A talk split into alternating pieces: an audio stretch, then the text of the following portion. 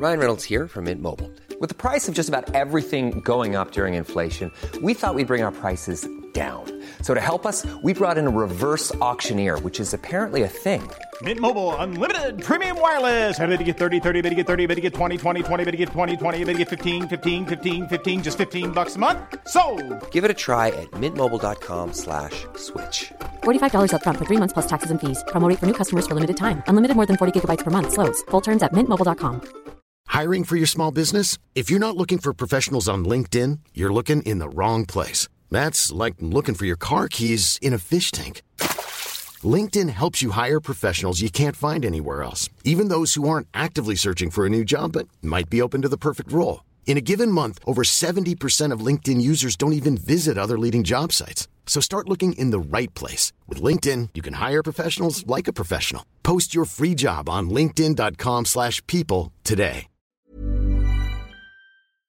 Britta, är du, är du en sån person som lider av någon slags sommar-FOMO? Det känns, det känns gammalt att prata om FOMO, förlåt. Men urkänslan är ju urtida. Att känna att man inte är där det händer bäst saker eller borde vara någon annanstans. Alltså, jag kan säga, det svider till lite grann när jag ser folk lägga upp, kanske från en grekisk taverna. Man kanske har ätit någon rätt med något grillat och nå- några såser till. Eh, det, vet du vad? Jag, jag får till och med FOMO på det här eh, lysrörsljuset som kan vara till och med på typ en, en uteplats utomlands. Den, alltså fan vad det svider till. Jag får FOMO av tanken på AC som inte funkar och ändå kostar per dygn. Jag får FOMO på Exakt. plankhårda sängar. Jag får FOMO på eh, insekter som skriker dagarna och nätterna igenom. Eller den här då. Vandra hem längs en väg som inte har trottoar och de här Mm. insekterna låter, det är också för mörkt och man har ingen reflex för det är inte fucking Jag älskar tillägget, man har inte reflex, vilket de flesta Nej, som men inte man- går i förskolan inte har. Trafiksäkerheten är ju liksom katastrofal. Och så går man ändå där och så luktar det, eh, liksom, det doftar av eh, lavendel och kanske Mm. rosmarin, typ örter som har så torkat i solen. Men är det Åh, lagligt? Marisa, jag har sån FOMO! Vet du, när jag ser folk vara utomlands känner jag, jaha, fick man det här? Ja men Jaha. det är ju det jag menar. Alltså, det, det, jag bara, ja så kunde man. Ja så var Det- lov. Men den här vanliga Är lov? är ju förstärkt och förhöjd nu med att här, riskera någon slags deltaviruspandemi, det är inte säkert, jag vet det. Behöva göra PCR-test, behöva trängas med främlingar i en terminal och den här lilla flygplanskorridoren ner till flyget. De har, det är så många lager till av saker de har tagit sig igenom för att få komma dit och lägga upp bilder till oss. Så för att det ska vara värt det för dem, alla steg de har tagit, Ja. så måste det ju vara att de ger oss sån otrolig ångest. Men alltså, jag kan till och med romantisera det där. Alltså stå och trängas i någon säkerhetskö. Ja. Personen framför är jätteseg och lägga sin fucking mobil i den Har där plastlådan och styra Den har inte använt deo. Hur kan den ta så lång tid på sig? Den visste ju att det här momentet skulle komma. Och jag blir också, jag blir så varm i hjärtat när jag också tänker på att det på norska heter det att man åker till syden. Alltså typ när man Jaha. säger så här, vi säger att man åker utomlands. Man åker till syden. Jag vill fan också åka till syden. Ja men det, det är förkastligt. Men eh, vi är era representanter i den här känslan. Ja. Vi ska inte lämna er i sticket vad gäller sommarlyssning. Kanske är det till och med så att våran chans att komma till den där tavernan eller den där stranden där du blir sur på att sand, det är fan jävligt jobbigt för det hamnar överallt. Där kanske du ligger och lyssnar på den här briljanta intervjun som vi har förinspelat åt dig. Det är till dig också! Din jävel. Och idag i de här förinspelade sommarintervjuerna som vi har kommit fram till heter bara drömgäst kolon i princip. Eh, där vi bjuder in på besök en magnifik person att hålla oss sällskap. Två ganska sällskapssjuka ju efter pandemin och allting. Personer i en studio. Och den här gången är det ingen mindre än kvinnan med Sveriges mest omfattande CV. Och extremt högt utslag på rastlöshetsmätaren ju har hon. Moa Gammel! Moa Gammel kommer till podden. Det var på tiden eller? Eh, känd skådespelare från Dramaten som barnsben till film och tv-succéer, inte minst Jordskott, Breaking Surface samt samt regissör, manus och romanförfattare, konstnärligt utvecklingsansvarig för otroligt välgjorda produktioner på Sveriges Radio Drama. Vi pratar med Moa om hur många timmar hennes dygn har, för det känns som att det, det är faktiskt fler. Och det är Hon har spräckt time space continuum. Vi pratar om hennes tidigare bok Gertrud och en kommande bok som hon berättar väldigt mycket om. Och Moa är rasande och on a roll och blixtrar i den här intervjun. Moa var aktiv i Tystnad tagning, engagemanget under metoo för skådespelare i dramavärlden. Och Moa är kritisk. Allt för lite har hänt och det kostade för mycket, säger hon. Så det blir ganska mycket diskussion oss emellan. Hon pratar ju väldigt ärligt om vad efterspelet har blivit kring det där och kanske också hur det har påverkat hennes karriär framåt. Oh. Hon pratar om förändring på riktigt, vilket också leder till en diskussion. Får man säga så om feminism? Eh, det vädras kritik, nej, feedback mot kvinnor och kvinnliga podcastare däribland vår. Och då den här drivkraften till att vara så enormt produktiv, på gränsen skulle jag tycka. Hur orkar man och när nöjer hon sig egentligen, om någonsin? Återigen, drömgäst. Jag tror det finns bits and pieces som alla kan plocka med sig i den här intervjun till sin egen lilla gottepåse för att stå ut med grejen vi kallar livet som vi alla måste ta oss igenom. Uthärda existensen med oss och Moa Gammel Ginsburg. Otrolig gäst, supertacksam. Hon kör på alla cylindrar raka vägen igenom. Varsågoda.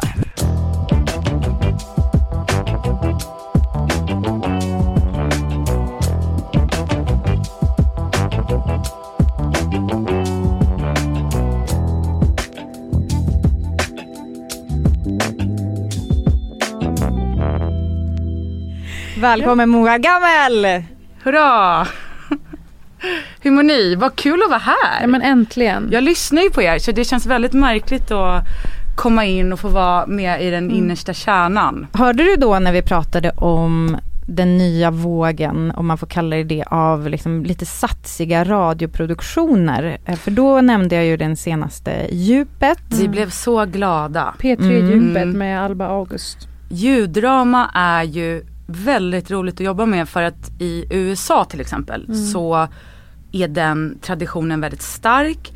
Eh, väldigt många serier, alltså Homecoming till exempel med Julia Roberts var ju från början en, en ljuddramasatsning. Oh, Så att vi, jag tror att vi, om jag ska säga spana in i framtiden så tror jag verkligen att, vilket jag också redan märker på våra produktioner, att det är tv-bolag som börjar hugga på dem. Eh, för att det också redan, det finns redan en utveckling i, i potten som man kan då ta vidare till en tv-serie. Så jag tror att man kommer få se mer ljuddrama som också sen blir en tv-serie.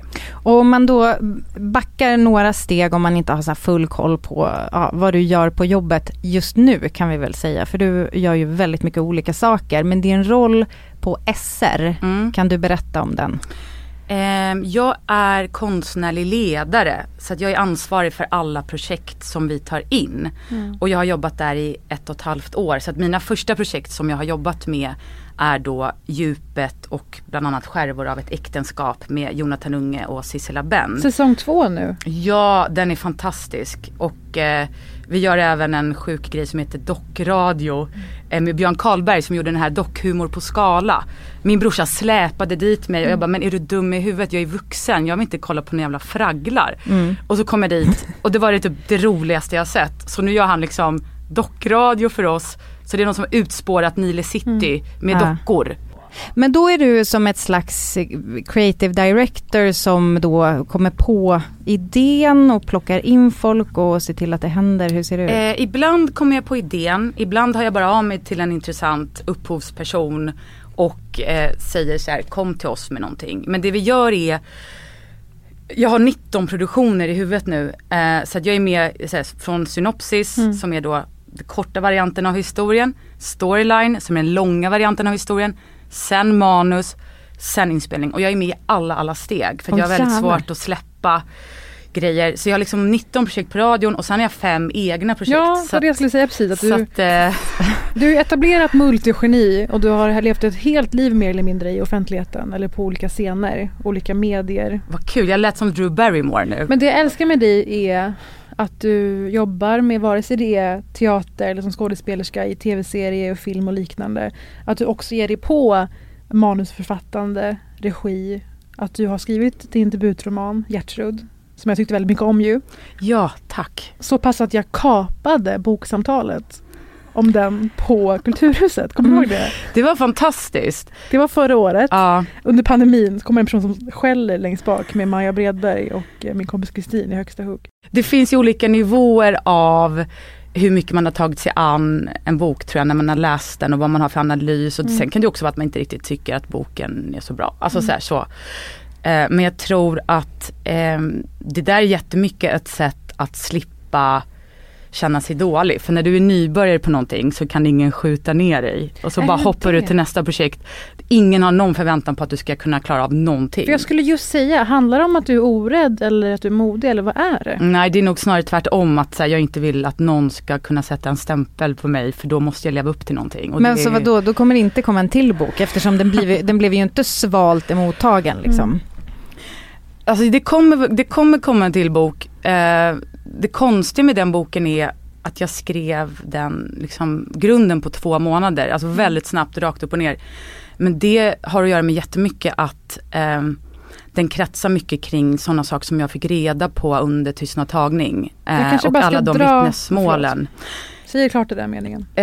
Så ja, så den boken den kommer i januari på Guldbaggegalans dag. Det finns en scen med från Guldbaggegalan i den. Och den handlar om en man som anklagas för ehm, att ha begått ett övergrepp. Mm. Och egentligen handlar det inte om honom utan det handlar om hans fru, om hans syster och om kvinnan som anklagar. Så det handlar om kvinnorna som inte fick vara med i metoo utan som liksom sköts undan och som på olika sätt när de skyddar honom själva blir förövare. Men vad är det du säger som ska komma?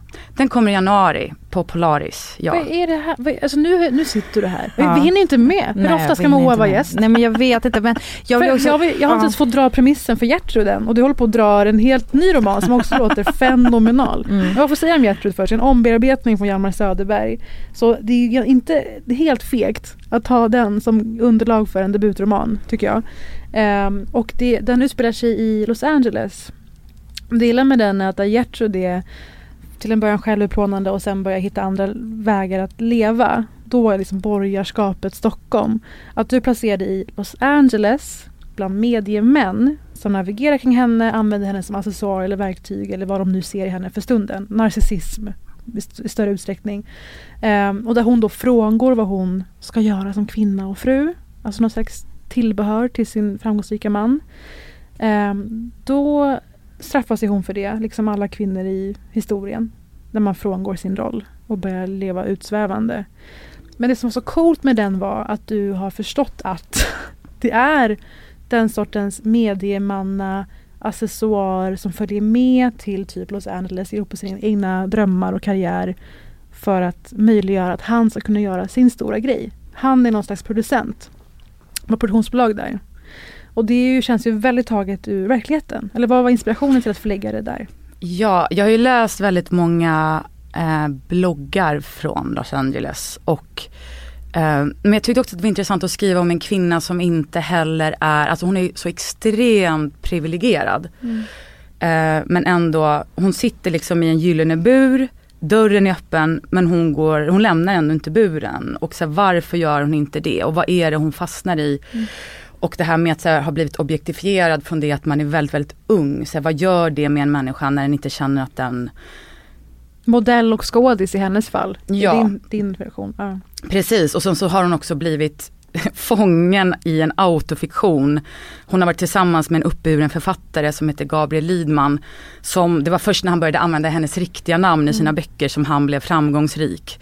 Eh, kanske en liten blinkning till en viss Knausgård. Eh, jag, tyckte, jag tycker Linda Knausgård är en jätteintressant person. Hon skriver ju fantastiskt själv och jag har liksom funderat så himla mycket kring så här, hur känns det att bli fiktionaliserad med sitt eget namn.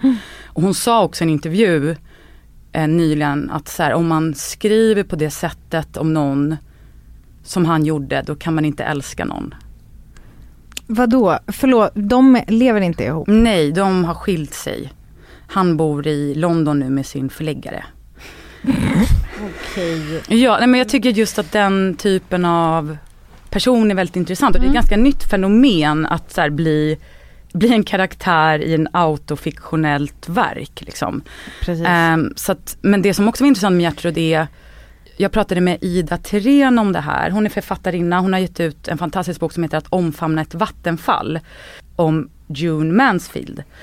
Ehm, som Alltså- också handlar om en kvinna som blir objektifierad och fången i någon annans litteratur. Och i det här fallet då bland annat Anais Nins dagböcker. Om ni inte har läst dem så är de helt sensationella. Ja.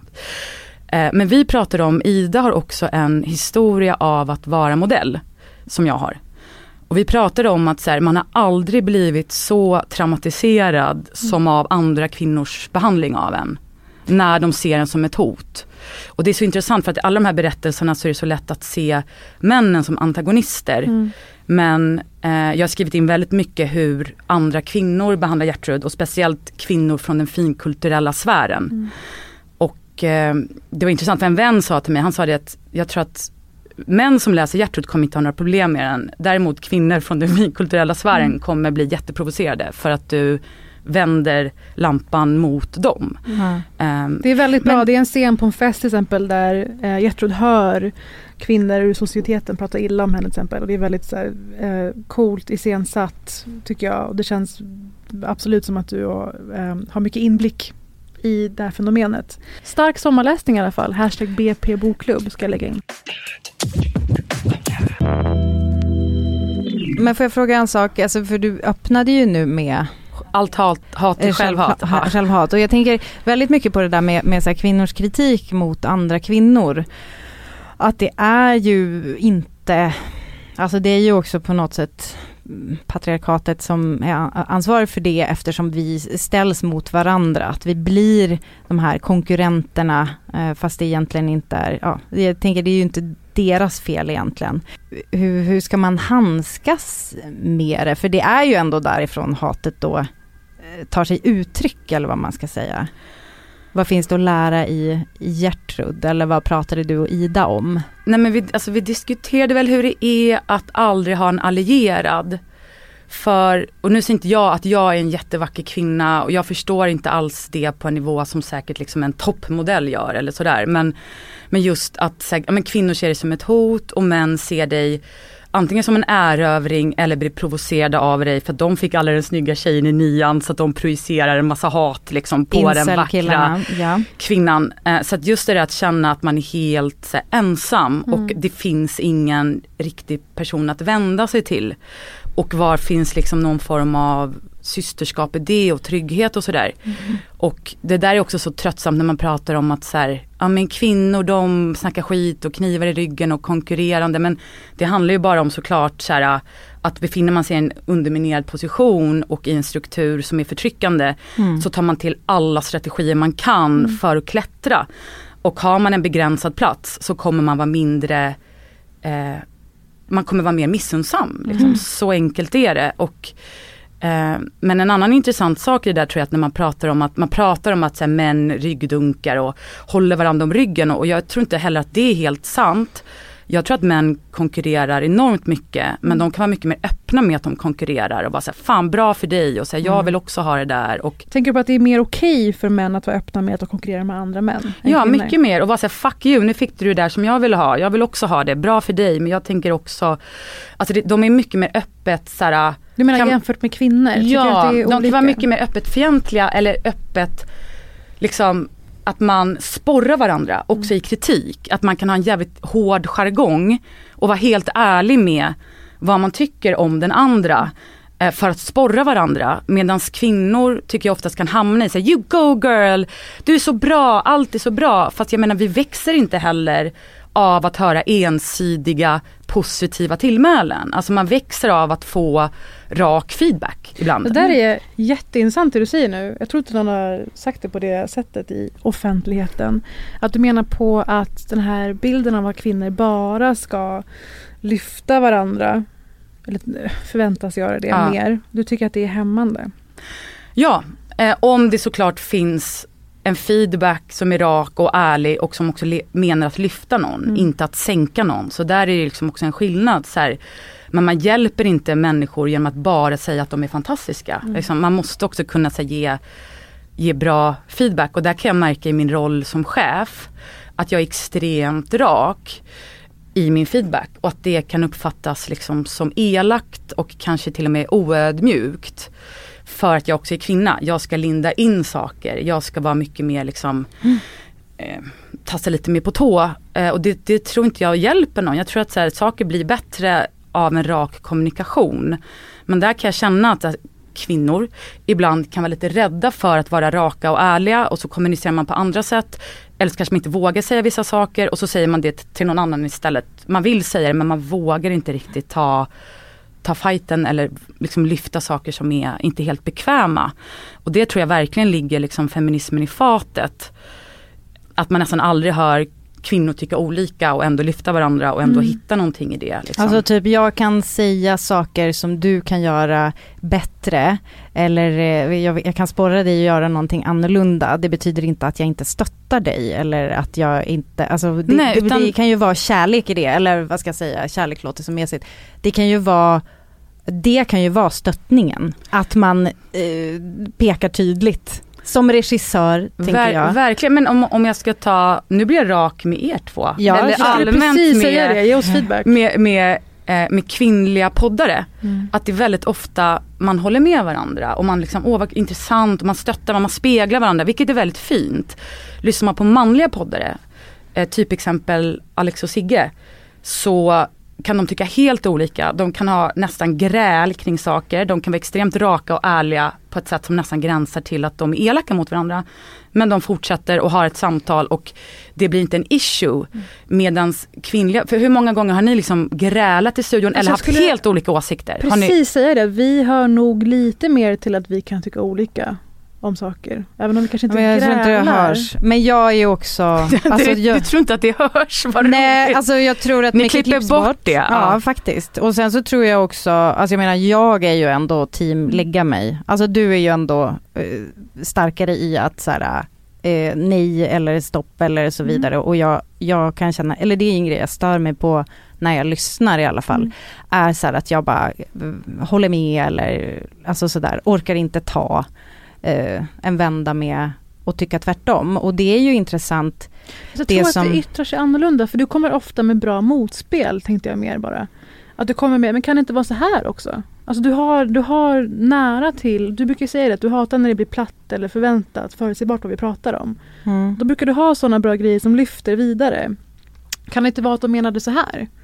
Det är ju ty- typ, du också som lyssnar, det är typiskt du som är den som lägger sådana. När jag redan har Ja, jag är egentligen inte, alltså jag tänker inte att, eh, alltså det är ingen värdering i det egentligen. Jag tänker bara att jag, jag nu håller med dig Moa, eh, jag borde kanske tycka tvärtom då. Nej men jag fattar att det är ett, alltså du ringar in ett fenomen Mm. eh, som är att vi, vi pratar ju mycket om att kvinnor fostras att vara det sociala limmet och jag blir nyfiken på om det kanske till och med är så att man tänker att man måste träna sig på det som regissör eh, och nu, jag menar som konstnärlig ledare, absolut. Men jag, jag funderar också lite på, för jag, vi känner igen eh, en konversation jag hade med Hedda Stiernstedt, vilket är eh, absolut för att namedroppa lite grann. Nej men alltså Mm. hon sa så, jag vet ingenting om skådisvärlden, men hon berättade att hon hade en grupp eh, en liten grupp människor som hade börjat ge varandra feedback. För hon sa att man får liksom aldrig det. Man går så här på auditions och så bara, fick jag rollen, fick jag inte? Mm. Och så hade de bara börjat se, för att hon bara, jag vill veta för att eh, enda möjligheten som skådis att bli bättre är ju just att få, ja men typ det du pratar om. Och då undrar jag om det, alltså om du tror att det, eh, det faktum att du kan göra så, att din historia liksom har gjort att det har tvingats Nej, fram. men det är jätteintressant för jag kan vara väldigt Alltså jag är inte ett dugg rädd för konflikter på jobbet. Alltså jag kan, jag, snarare tycker jag att här, en chefs uppgift är att vara rak. För annars går alla och gissar. Det blir ännu värre, man förstår inte vad, vad är målet, vad är visionen.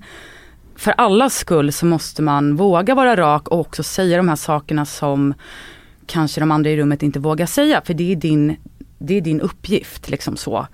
Men däremot privat så jag, kan jag vara jättekonflikträdd. Och just så här, socialt och med kompisar. Och så här, där har jag inte alls den där raka stilen. Och det, Men har du fått mycket rak feedback? Och vem blev din vändning där i feedback, eh, feedbacktänket? eh, nej men jag tror, ja men jag har fått jättemycket rak feedback och speciellt när man gör fem projekt samtidigt. Mm.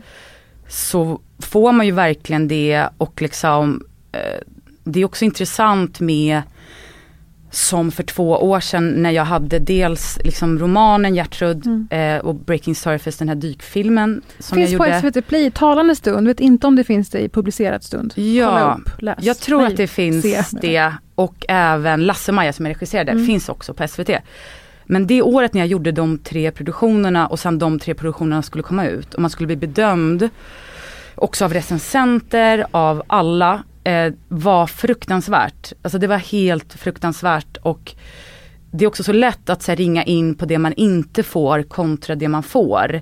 Så att så här, även om man har fått det här så fick jag inte det där och varför fick jag inte det? De tycker att jag är värdelös. Och så, så pendlar man liksom verkligen mellan depression och ibland någon slags hybris för att försöka bygga upp sig själv igen, för att våga tro på sig själv. För att jag måste våga skriva en till bok, även om inte min re- bok ens recenserades i DN. Liksom. Så måste jag våga så här, tro på att jag har någonting att säga som kanske andra också vill läsa.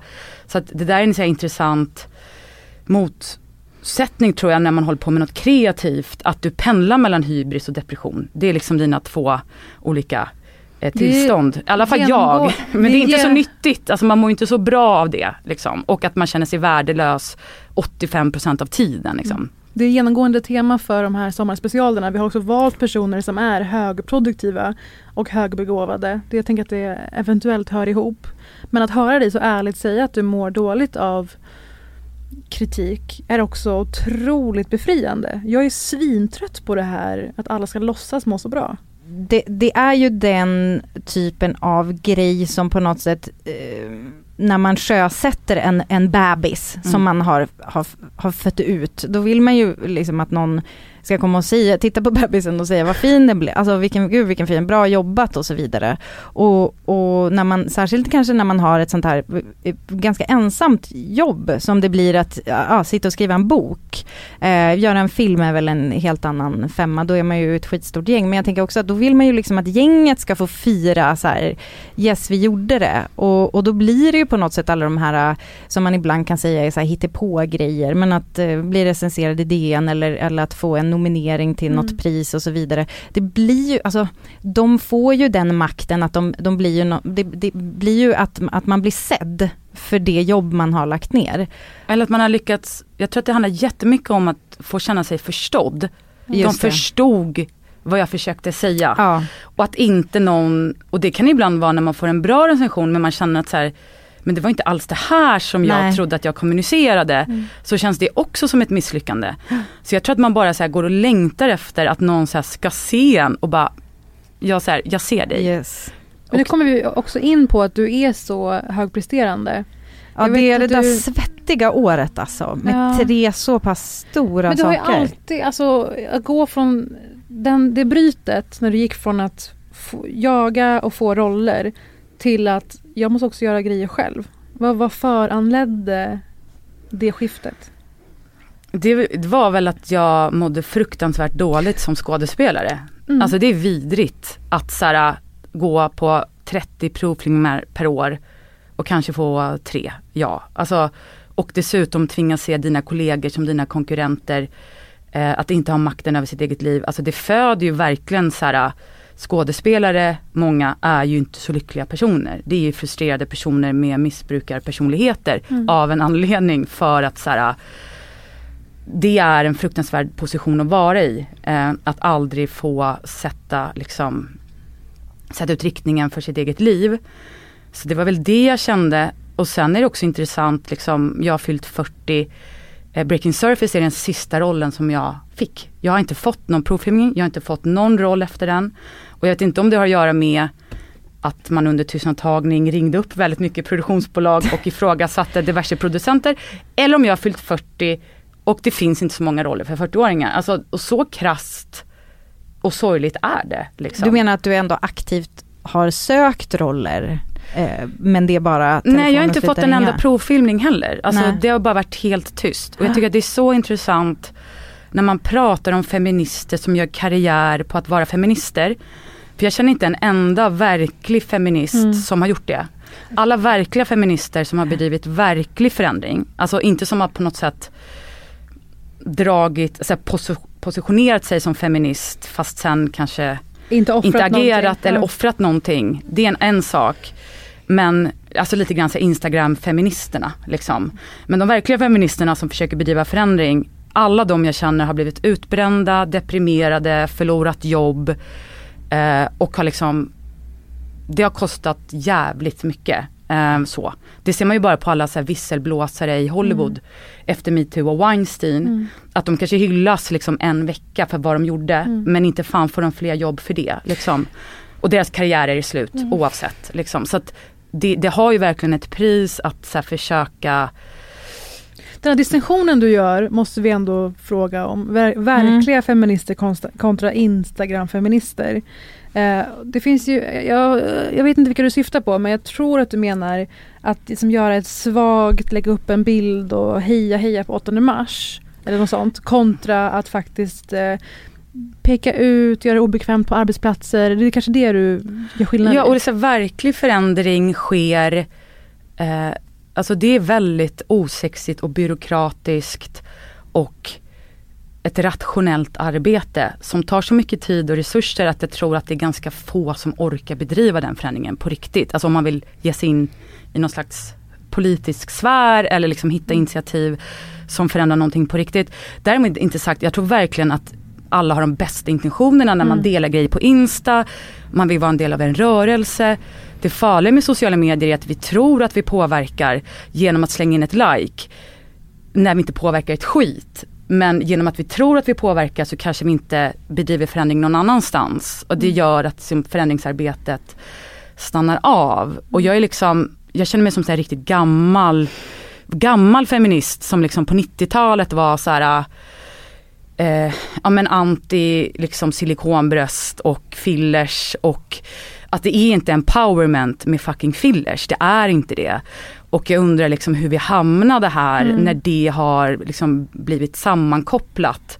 Och man sitter på tjejmiddagar idag och liksom fyra av fem har gjort en massa ingrepp. Alltså det är så här, va, hur fan hamnade vi här liksom? Jag dömer absolut ingen som gör ingrepp. För det är det är liksom det som hör till. Ja. Men det är ett symptom Mm. på en samhällssjukdom. Liksom. Och det är jävligt sorgligt. Jag tror alla känner igen den där eh, liksom balansgången mellan att få va, va, liksom göra som man vill och ha alla val, få välja mellan alla verktyg i verktygslådan även när du är kvinna. D- där finns ju också att göra filler som man känner för det och, och sådär. Men vad är det som man gör i feminismens namn? Det är väl liksom lite där vi pratar om. Och jag blir så nyfiken på när du säger så här, det är, det är ett osexigt jobb, det är liksom ett alltså typ- Långsamt. Ja, och vad är det då, vad är det då som du lägger energin på? Alltså hur ser det jobbet ut? Alltså jag, efter tystnadtagning så blev jag så desillusionerad att jag bara, fuck it, så här, jag är för trött. så sorgligt är det. Att man så här, nu, nu satt, nu liksom, vi trodde att vi var en del av en verklig förändring. Hela vår strategi var också så här, vi kan inte peka ut individer, för då kommer rörelsen sammankopplas med individer och då blir den sårbar. Vilket blev fallet. Så det vi kommer ihåg idag av metoo-hösten är vilka individer som var inblandade i diverse olika saker och Det har mål. ju tillåtits att bli det verkligen. Det är ett narrativ medialt som verkligen vill svartmåla feminism, vill svartmåla metoo genom att bara få det att handla om vissa utpekade män. Och hur Ja, synd det är om dem. Och de får olika dokumentärer och liknande. Och det är ju en totalt missvisande bild. Men som har fått egna ben, egna fötter. ja, och det är, man är och jag tror att så, vi som var liksom i tystnadtagning Mm. och vi var liksom några få som verkligen så, drev det och jobbade och sen var det en jättestor, ett jättestort kollektiv Mm. som också var med och drev det på, på, på olika håll också. Men just den där kärntruppen tror jag alltså många blev extremt eh, deprimerade av att man försökte bedriva förändring och man insåg att det spelar absolut ingen roll. Och eh, också om man så pratar om vittnesmål, att så här, det är väldigt svårt när det kommer ett vittnesmål som pekar ut en person. För det är så här, vem sa vad, liksom she said, he said. Men liksom så fort man fick in vittnesmål som var flera stycken som pekade ut samma person så insåg man att det finns någon slags bäring i det här bara av mängden, mängden vittnesmål kring samma person. Och det man märkte väldigt tydligt var att så här, de som handlade om personer med väldigt mycket makt och väldigt mycket pengar det har inte gett någonting för de får sitta kvar. Men att man hittar liksom symboler hos vissa av de här personerna som man kan slänga under bussen. För de tjänar man inte längre pengar på. Men tycker du att tystnadtagning inte har gett någonting? Ja precis, för, för det sitter jag med. Att du, du bara, och det var därför det föll och det gav inget och så här. Men från, från mitt håll, eller Mm. kanske, kanske utifrån då, eh, så verkar det ju ändå som att det var jävla genomslagskraft ändå. Jo, absolut. Men jag tror också så här, den här totala besvikelsen när det också blev en sammanslutning av alla upprop som gick ihop. Alltså inte bara tystnadtagning utan alla och det viktigaste i det här är ju kollektivet. Det är ju de här som hade så kallade vanliga jobb som inte var glamorösa och som tidningarna inte ville skriva om på samma sätt. Att de liksom alltså organiserade de här uppropen, hittade sätt på arbetsplatsen att försöka så här, bedriva förändringsarbete. Det är för mig liksom den fantastiska styrkan med det som hände hösten 2017. Inte liksom vad några skådespelerskor faktiskt tycker eh, så, utan det var liksom hela den kollektiva rörelsen. Men där jag tappade hoppet var när liksom de här sam, samordnade metoo-uppropen lämnade över en kravlista eh, till en politiker och var sen nu måste ni, nu har vi kommit överens om det här, det här behöver göras.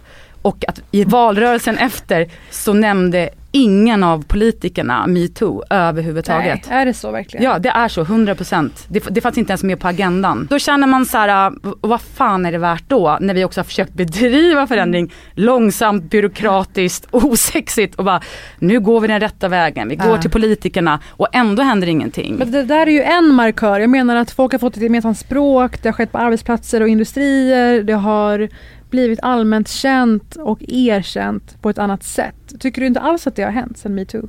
Till viss del absolut. Du hade önskat på mer bara, redan? Ja men det är också så att jag är så rastlös. Jag- Det är så här, förändring sker inte blixtsnabbt. Nej, och för att det ska vara reell förändring. Så att så här, Men man som kan nu, vi pratar ju om på det jämt. Alltså ny sexualundervisning i skolorna. Alltså de här sakerna är långsamma. Lagstiftning kring övergrepp på nätet, folk håller på och stämmer Pornhub. Allt det här hänger ju ihop. Och det Mm. är ju från en ny medvetenhet. Men det är intressant att du känner den här besvikelsen. Jag visste inte, jag visste inte det. Du Nej. känner så. Jag tror att det är många som på något sätt har varit inblandade i någon slags rörelse som känner den. Och Alltså tycker- backlashen mot feminism och metoo, den är reell. Det pratar vi också om, jag och Britta. Så är det ju, att folk har få- fått någon slags anledning att svartmåla feminister, att det har varit rättsosäkert och det har varit en lynchmobb och häxjakt. Men plus att det också känns som att så här, feminister idag det är så här, folk utan humor, Mm. totalt osexiga. Det är mycket roligare att så här, raljera över liksom att så här, åh jag drömmer om att ha en rik kille och bli försörjd. Nej men alltså att det blir som kul att typ ironisera kring feminismen. Att den, den, den har ju kanske aldrig liksom haft ett eh, momentum där den är eh, um, erkänd. Eller typ har få, fått, fått vara. Eh, det, kritiken kommer snabbt och då ska det bli så här what aboutism, typ så här, ja men de oskyldiga som hängs ut, ska det vara stening på torget, är det det vi är ute efter? Och då gjorde ni enligt alla regler och Ja. inte hängde ut enskilda, ja. trots att, Ni låt oss vara ärliga, ni hade kunnat. Ni sitter på en del. Men sen använde sig ju faktiskt Aftonbladet av vår, alltså den formen som Tystnadtagning satte. Eh, inte enskilda journalister, folk har också så här, gett pris till journalister för Tystnadtagning fast det var Tystnadtagning som satte formen, skrev alla vittnesmål, satte, liksom gjorde uppropet. Eh, och, Men din, ja men det är, också så, det är också så typiskt för att i vår tid så vill man ha individer som man kan ge priser till för att visa på att den här frågan är viktig. När det här handlar om en kollektiv rörelse och det handlar inte om enskilda individer, det handlar om alla. Och det är därför det också blir så svårt ibland när individer tar feminismen i sitt namn och säger det här är feminism och det där är fel feminism. Alltså att någon ska liksom tolka feminismen Jag tycker att det är på samma spektra som du är inne på, att folk raljerar om feminism. Att du känner att vissa inte borde få klä sig i det eller axla det på det sätt som passar dig. Alltså det måste ju få vara en myriad av saker. Ja, det måste finnas en självklart. mångfald i vad som är feminism och vilka som är det. Och det är därför jag känner mig som en, så här, en old fart som bara så här, är kvar i min 90-tals Mm. Ja, men jag är- feminism och bara, det är liksom höga klackar, allt som har med så kvinnligt mode Mm. att göra är hämmande. Det är därför det är kvinnligt mode. Alltså du ska inte kunna springa ifrån om någonting händer när du har skyhöga klackar och du har så långa naglar att du knappt kan liksom Mm. Bedriva vardags. Liksom, och jag, jag dömer inte folk som har det men jag känner bara att, så att man vill liksom vrida diskussionen rätt Mm. igen. Och speciellt när folk, när som väldigt många personer nu för tiden lägger sig liksom under kniven och gör massa ingrepp för att liksom känna att de har ett människovärde. Nej men och en framtid. Alltså det är ju i allra högsta grad sammanhängande. Och du med- får ju mer jobb om du håller dig snyggare längre. Så det är klart att man då tar till alla medel som finns. Liksom.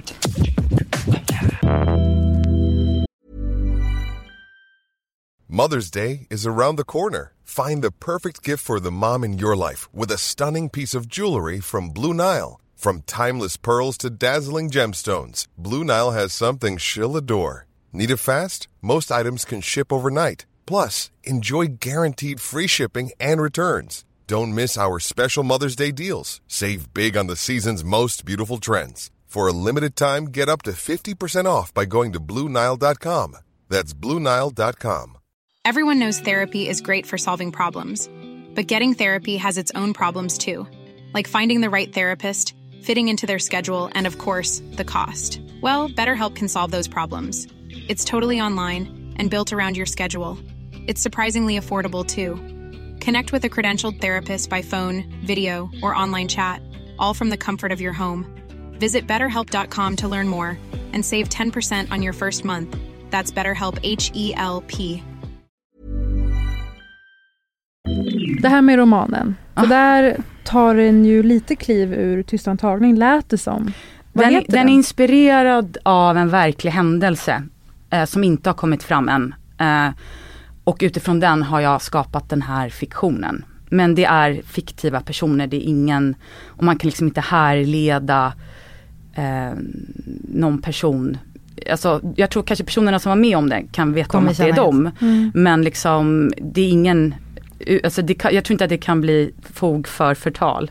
Guldbaggen 2018. Du tror gjorde- inte Läs har verkligen ansträngt dig för att det inte ska bli Verkligen ansträngt för mig. förtal. Ja, för att jag vill hellre lyfta frågan än återigen säga att det var den här personen som Exakt. gjorde si och så. Utan jag vill prata om det här kom fram. Mm. Och det som var ännu värre var ju liksom hyckleriet kring att alla visste men ingen låtsades om någonting. Mm. Och det här typiska, jag visste inte. Alla har vetat hela tiden om vilka individer det rör sig om. Men man har inte riktigt velat ta tag i frågan. Inte förrän det blir offentligt eller förrän det börjar kosta någonting Man i reda tjänat, pengar. man har tjänat pengar på dem i film och tv-serier. Varför skulle man ta avstånd från det? Nej. Men är det här Guldbaggen 2018 när er manifestation var? Är det från den ja, den kvällen? är med också. Det är en scen med ifrån den. Fast ifrån ett annat perspektiv när de tycker att det är hysteriska kvinnor som att det blir kitsch. Vad när de läser det här talet. Så att, ja, jag, jag verkligen, jag, jag tycker att det är så ointressant med liksom offer och förövare-termen för att så här, jag vill fördjupa den och jag vill twista den och jag vill lyfta diskussionen. Och en av anledningarna till att jag var så engagerad i tystnadtagning är för att jag känner en person, en kille, som avslöjade för mig liksom nyligen att han blev våldtagen när han var liten. Och hur det har format honom eh, på ett sätt, för att det finns inte språk för män som är offer. Män ska vara förövare och en väldigt stor del av personer som blir våldtagna är män, av andra män. En stor del av eh, prostitutionsvärlden innehåller väldigt många män som prostituerar sig. Alltså den här diskussionen finns inte ens, den är helt liksom tyst. Och jag känner att här, vi måste också ta diskussionen vidare för att man ska förstå hur komplex frågan är och hur viktig den är och att den berör alla. Alltså att patriarkatet skördar offer hos män, hos kvinnor. Det är allas vår rörelse. Det handlar liksom inte om att så här, det, är en viss, det är bara vissa som hör till den rörelsen, den hör till alla. Liksom. Har du sagt nu vad romanen heter, den nya? Får du säga? Arbetsnamnet är Odjur. Får jag liksom vara en tråkig person och fråga eh, hur många timmar ditt dygn har? Men jag jobbar aldrig efter klockan fem på kvällen. Eh, och jag jobbar aldrig på helger. Inte ens ett litet mail sådär Nej. lite vid tvn? Då bränner jag ut mig totalt. Jag lägger Ah. mina, mina två telefoner i en byrålåda och stänger den när jag kommer hem. För annars blir jag utbränd. Eh, däremot så här, med boken så har jag gått upp sex för att skriva den. så. Eh, men jag tror att det är jätteviktigt att så här, hitta pauser och eh, inte dundra in i den berömda väggen. Speciellt, jag har ju också ADHD. Så att jag mår bäst när jag har massa, massa bollar i luften. Eh, så. Jag får jätteprestationsångest om jag sitter med ett projekt. Eh, utan jag måste så.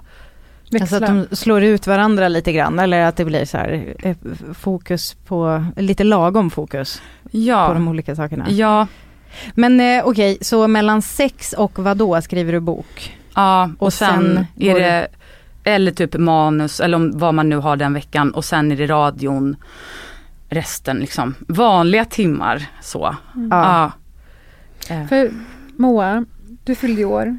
ja. Jag var där och kalasade. Fyllde 40, ja. Ja, och eh, gud vad speciellt det var att du, jag älskar det att din man och du var så öppen med att du hade krisat hårt tiden innan och känt dig, dig otillräcklig.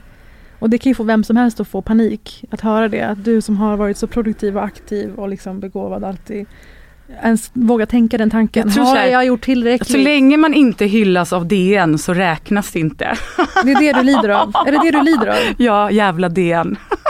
Men vadå, du kan inte känna så här typ Ja, nej men det är intressant att DN ändå har den rollen i ditt liv då, istället för att tänka så här, eh, okej de förstår mig inte. Ja. Eller just den som skulle skriva det där just den dagen skrev inte det. Men jag älskade så här, ehm, Tove Jansson-filmen. Jag, jag jämför mig absolut inte med Tove Jansson. Mm. Men det som var så fint med den var att hon skämdes så mycket för Mumintrollen.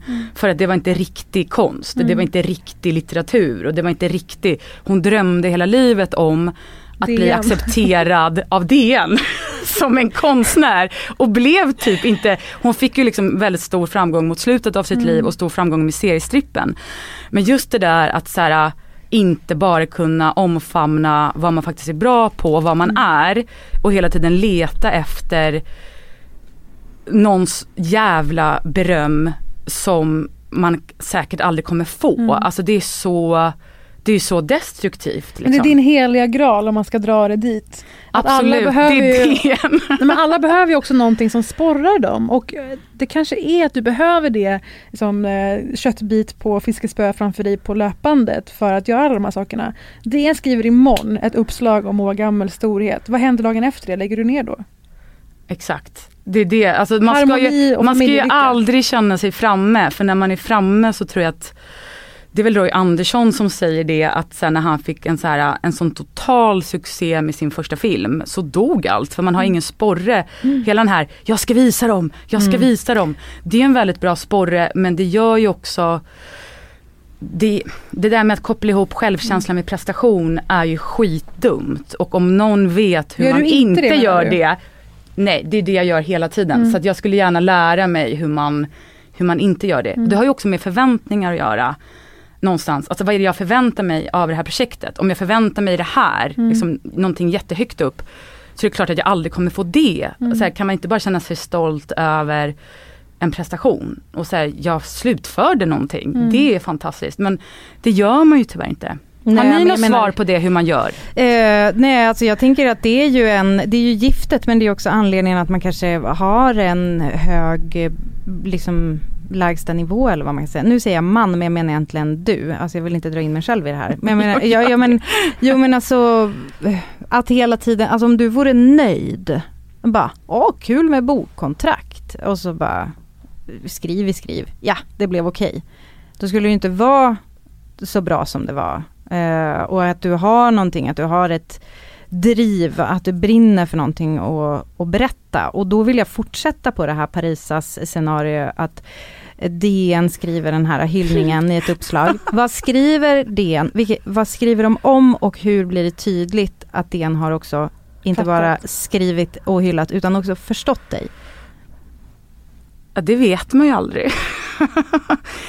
Åh, varför? Jag känner att jag sätter mig i så här, terapisoffan här. Vilken bra Va, KBT. välkommen, varmt välkommen. Nej, men det, man blir väl aldrig förstådd kanske heller. Alltså jag tycker också att det är intressant med typ så här P.O. Enquist drömde hela livet om att bli höjdhoppare.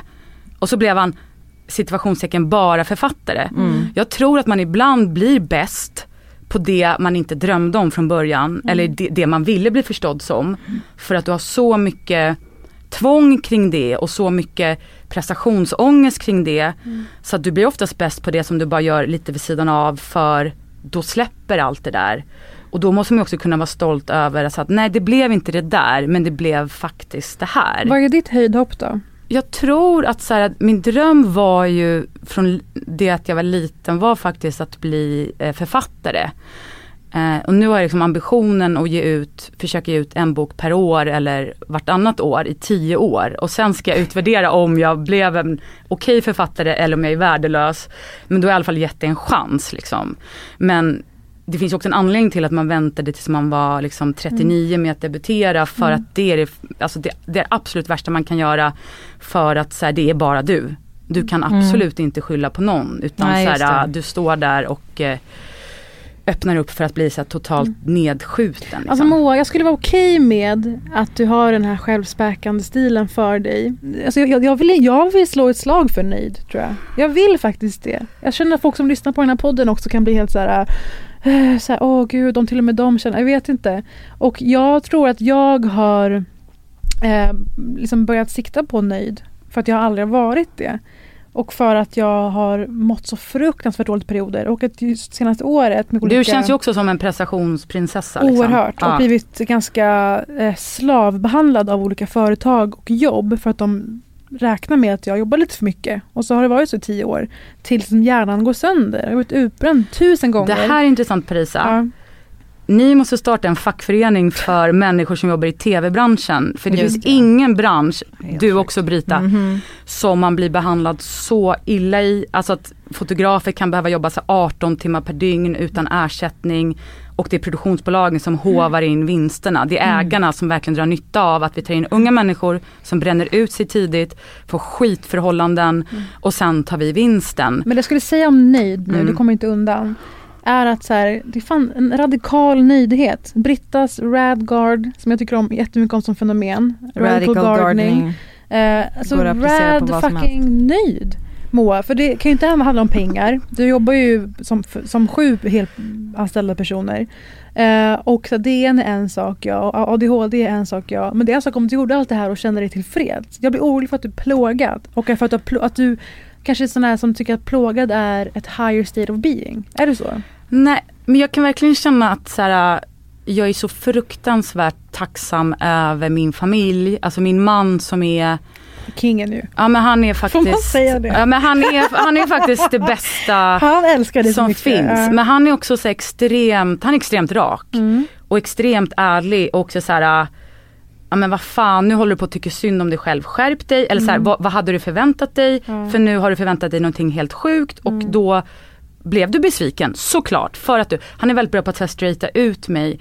Och att också ha barn och vara med någon som man älskar på ett sätt som är så sinnessjukt och det är den största kärleken man upplevt i livet. Där har man ju en väldigt stor trygghet så att där tankar man ju jättemycket.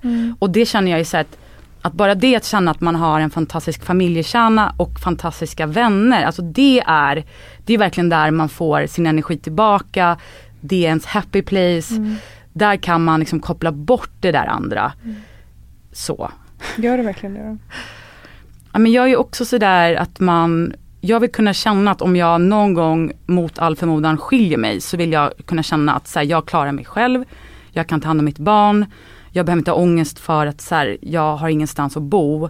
Typ, 70% av kvinnor i innerstan har inte råd att skilja sig. Real estate Oh, fuck. brides kallas det. Ja. Nej men förstår Ja. ni vad hemskt det är att här, sitta i, fast i ett äktenskap eller ett förhållande, inte kunna skilja sig för att du inte har ekonomin. Liksom. Fast man kan bo utanför tullarna.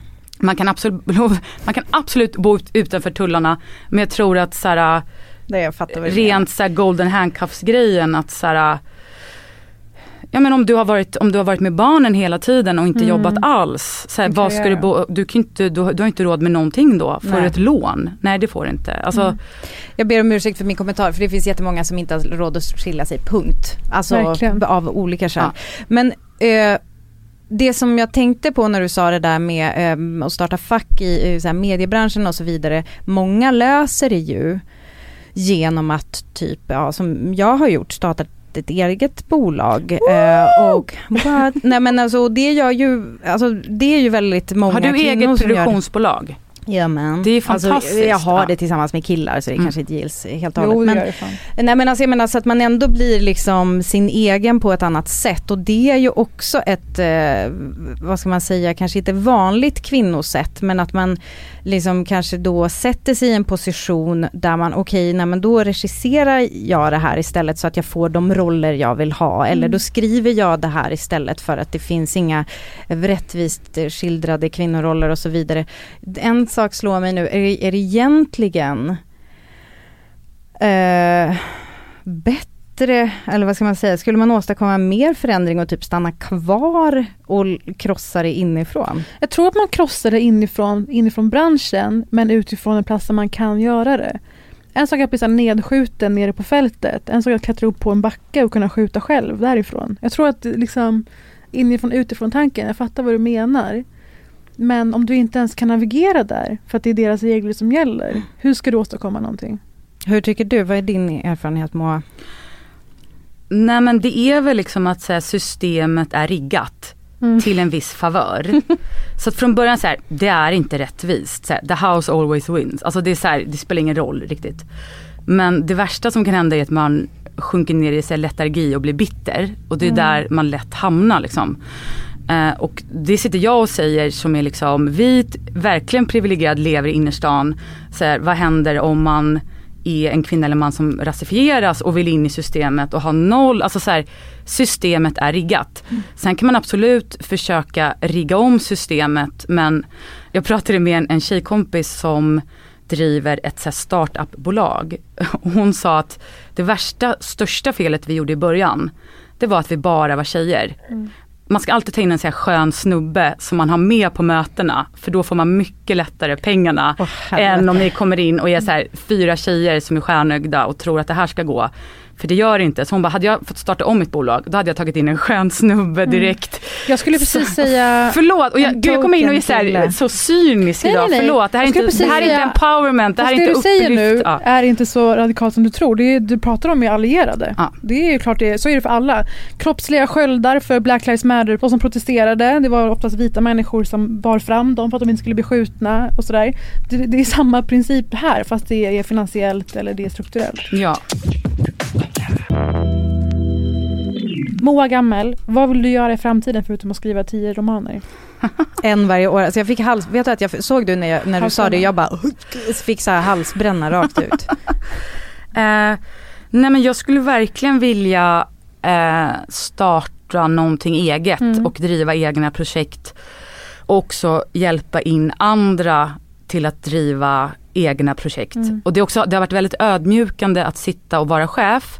För man inser att så här, det är så himla lätt att gå på val som man anser vara trygga. Mm. För att det är så här, ja men den här Då fattar man den- vita killen, han har gjort så mycket bra förut så vi tar in honom. Och det Man här, fattar. man tar den lätta vägen Mm. istället för att bara här, tänka ett varv till och bara vänta, hur, hur, hur fan ser min, hur ser min uppdelning ut Mm. av kvinnor män i de projekten jag väljer ut?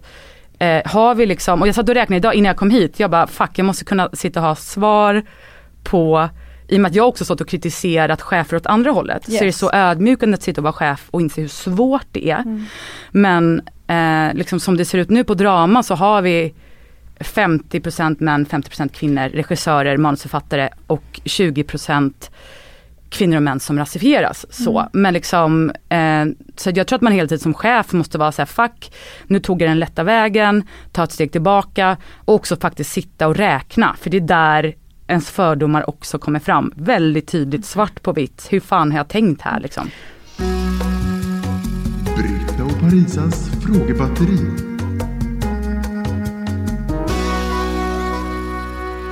Vilken bok ska alla läsa i sommar? Tove Folkessons verk 1, 2, 3. Den handlar om, Tove Folkesson känner ni till henne? Hon Nej. har skrivit Kalmars jägarinnor och hennes senaste bok nu handlar om ett par eh, som försöker bli gravida, eh, två kvinnor. Eh, och den beskriver väldigt mycket den processen och hennes skrivarprocess.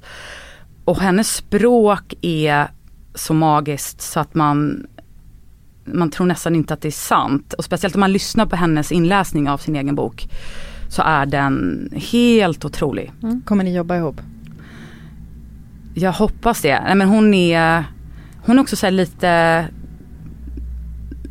inte oupptäckt för att hon är väldigt så hyllad i en viss sfär men hon DN.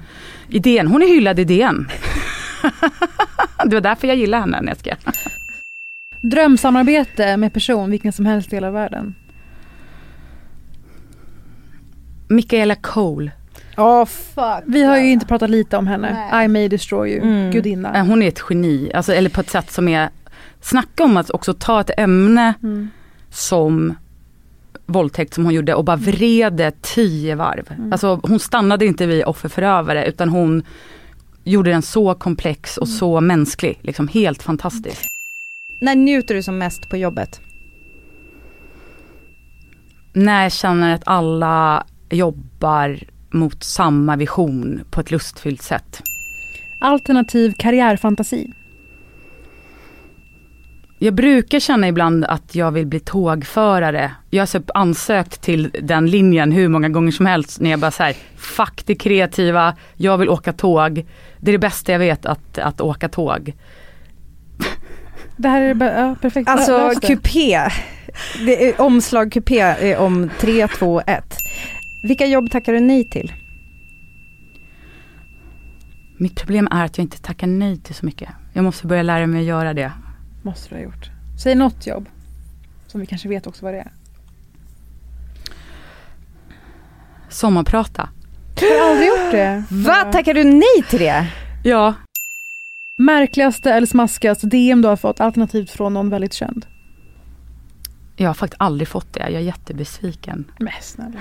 Alltså märkligt kan också vara så här en oskön märklig liksom, åsikt om dig eller att någon Jag brukar få ganska många DMs från Ryssland som är så här You are the worst actress in the world. Apropå, Apropå Breaking Surface. Alla älskade X men jag fattade aldrig grejen. Och nej, jag, jag får bara massa svenska produktioner och Mm. jag vill inte go there alltså. du Eh, kan beskriva i stora drag vad det ungefär var.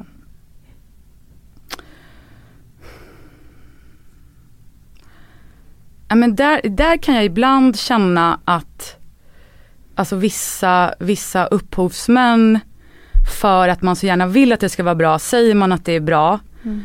Eh, för att man också vill lyfta så här, åh det här var så ett bra perspektiv. Men så kanske själva kvaliteten på, alltså på det som den gjorde inte var så bra. Och då känner jag också så här, det här är också en björntjänst. Att man hyllar någonting lite okritiskt. Är det heder du pratar om? Jag, inga kommentarer, Mm. inga, jag lämnar inga svenska produktioner men Men som du var inne på då, alltså den där äh, att kritiken kanske hade behövts för att kunna utvecklas. Men bara för att det är ett så här behjärtansvärt ämne Mm. så betyder ju inte det att det är kvalitativt. Mm. Så. En tv-serie alla ska se. Okej, ni vet när man bara slår på någonting på Netflix, Mm. har aldrig sett innan, har aldrig hört talas om innan. Mm. Räkna med att så här, i och med att jag aldrig hört talas om det här innan så måste det vara jättedåligt. Mm. Och så är det fantastiskt. Jag har inte läst om det i DN. Och vad är det här? Serien Feel Good. Ja, men den är väl ganska... Ni kanske känner till det här. Jag har varit in, innesluten i en bubbla och jag försökte också googla på den igår och det här skrivits recensioner kring den. Ja, nu vet jag. Jo, eh, hon är otrolig. Mm. Ja. Det handlar om en, en kvinnlig ståuppare som bor i London Mm. och träffar en tjej och tjejen har ditintills bara varit tillsammans med killar Mm. och så handlar det om deras relation. Och den är helt otrolig. Och Alltså, hon är rolig. ju otrolig. Hon är otrolig. De, den har en sån breakup-scen som är det mest hjärtskärande jag har Mm. sett.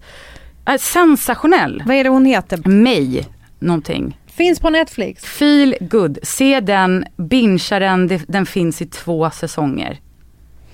Moa Gammel, tack snälla för att du kom hit med ditt raseri och din kreativitet. Ja, tack som Kan du vara lite snäll mot dig själv? Nu kommer jag få in massa härliga DMs med, med troll. Hur, Nej, stå, hur står har ni? Har ni troll. inga Ja, troll? men det kommer kanske vara lite känsligt med det där med feminismen och, och fillers och så vidare. Men det... Nä. eh, Jag tror våra lyssnare ändå ganska, ganska, jag tror att det är lugnt. Man får göra som man vill. Jag dömer ingen. Jag tycker bara att hela världen och livet är sorgligt. Godnatt. Moa Gammel! Mängden tankeställare under en och samma intervju. Det var det mest täta tankeställar-intervju-inspelningen. Nej men på riktigt så tycker jag att hon satte fingret på ganska många saker. Vissa grejer som skaver och vissa grejer man har längtat efter att någon ska uttala. Det är också ganska deppigt att konsekvenserna av att ett gäng människor står upp för sin egen rätt och berättar om gränser som har eh, trampats på, att det eh, blir de som blir straffade i slutändan. Det, jag hoppas att vi inte har sett slutet av det. Och det känns som att hennes bok som kommer i vår, jag tror inte att det kommer bli liksom noll ringar på vattnet kring den. Eller? Jag tror att vi kommer nämna den en del och kanske få prata med Moa igen. Eh, enormt tacksam för att hon finns och är verksam och så driftig och eh, glad att ha henne i min ringhörna. Men också sparringpartner. Gud vilken bra liknelse. Den tog jag hem. Hej! Nästa vecka då?